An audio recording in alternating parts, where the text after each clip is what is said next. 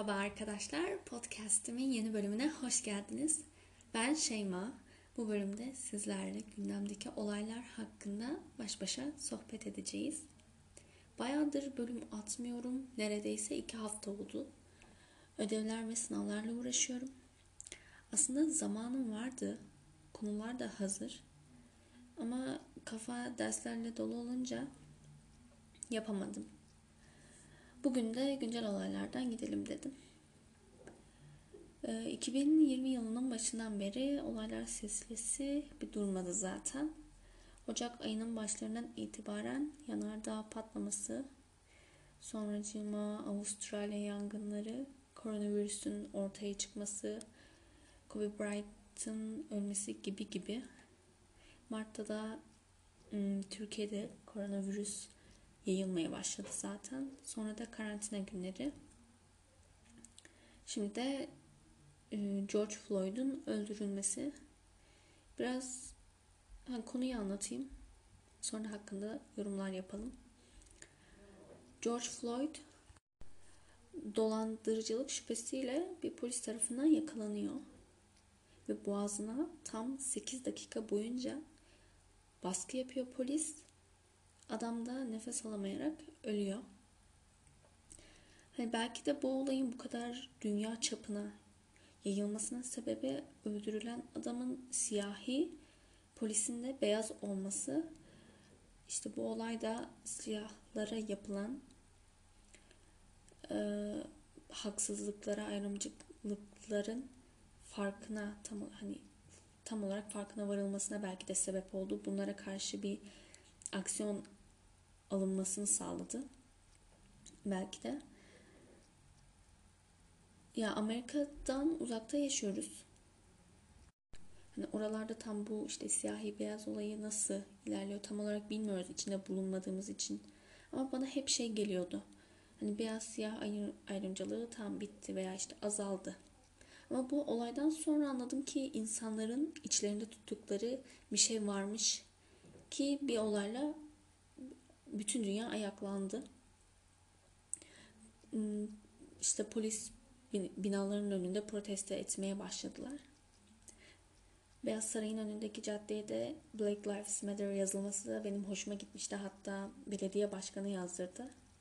Yanlış hatırlamıyorsam bayağı güzel. Bu arada zaten polisin halka olan orantısız gücü söz konusu.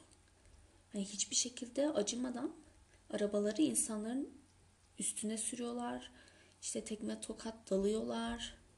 Ee, işte böyle ağır sert cisimlerle. Böyle hareketler bana hala ilkel olduğumuzu hissettiriyor. Ve ve hala ve hala bu olayları protesto ettiğimize inanamıyorum. Hani insanoğlu teknolojik bakımdan ilerleyince geliştik sanıyor. Fakat bence hala insanlığın ilkel çağlarını yaşıyoruz. Ayrımcılık, cinsiyet eşitliği, insanın insana olan saygısını bir türlü insanlara öğretemedik. Bu hepimizin hatası bir kere kabul edelim. Bu George Floyd olayı çok büyük bir adım oldu. Kesinlikle hani dünyadaki ayrımcılıklar adına sadece bu ırk ayrımcılığı değil.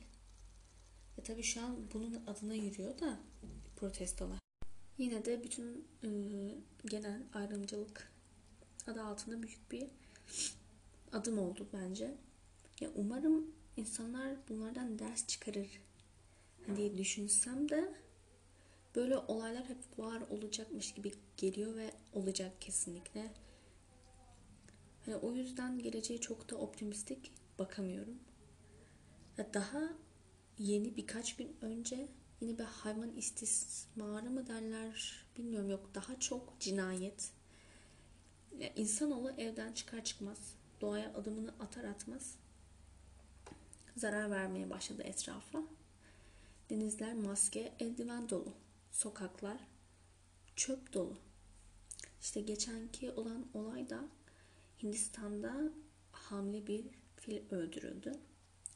File içinde patlayıcı olan ananas yediriyorlar.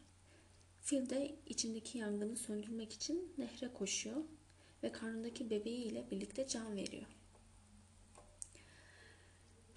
Yani gerçekten bu insanoğlunun başına ne gelse müstahak. Koronavirüs az bile. Hani bunu söylettiriyorlar. Ve ben bu olaylarda şunu anlıyorum ki empati duygusu olması insanda büyük bir yetenek ve çocukluktan öğretilen bir şey ve öğretilmesi gereken bir şey. Çünkü kendini o filin yerine koysaydı, bunu düşünebilseydi acaba hani yapabilir miydi bunu? Hayvanlara yapılan bu iğrençlikler umarım en ağır cezayla cezalandırılır.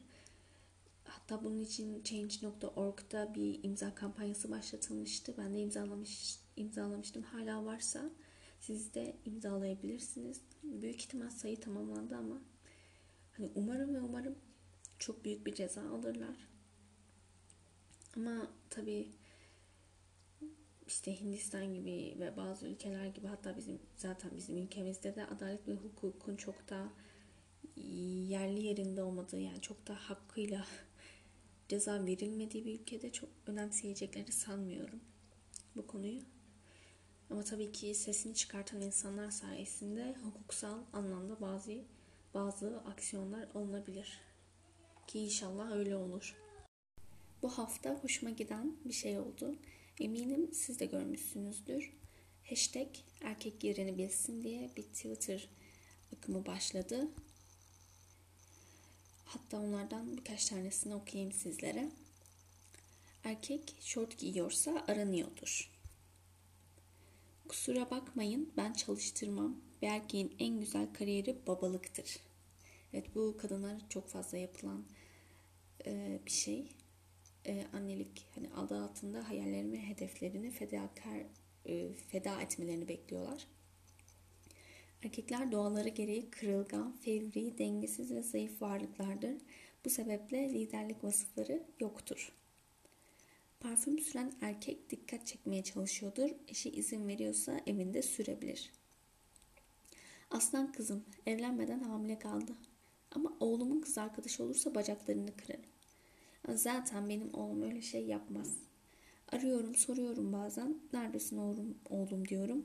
Okanlardayım babacım diyor. Dul adamsın bir ihtiyacın olursa çekinme. Evet, dul kadınlara göz koyma haklarını kendilerini bulan şerefsizler var maalesef ki. Bir de sizlere bir film önermek istiyorum. Önermek istediği film tam da bu konuyla ilgili. 1993 yapımı komedi filmi. İsmi Tersine Dünya. Bu filmde kadın erkek kimliklerinin tersine döndüğü, kadınların kabadayı olduğu erkeklerin evlenmek üzere evden kaçırıldığı, kadınların ev e, kadınların eve ekmek getirdiği kısaca tüm rollerin tersine döndüğü bir hayatı konu almaktadır. Hayatta böyle güzel şeyler de oluyor işte. O yüzden belki de hala kendimizde yaşama isteği bulabiliyoruz. O zaman sözü burada bırakalım. Daha güzel yarınlara deyip bu bölümde de sizlere veda edeyim. Kendinize çok çok iyi bakın. Görüşmek üzere.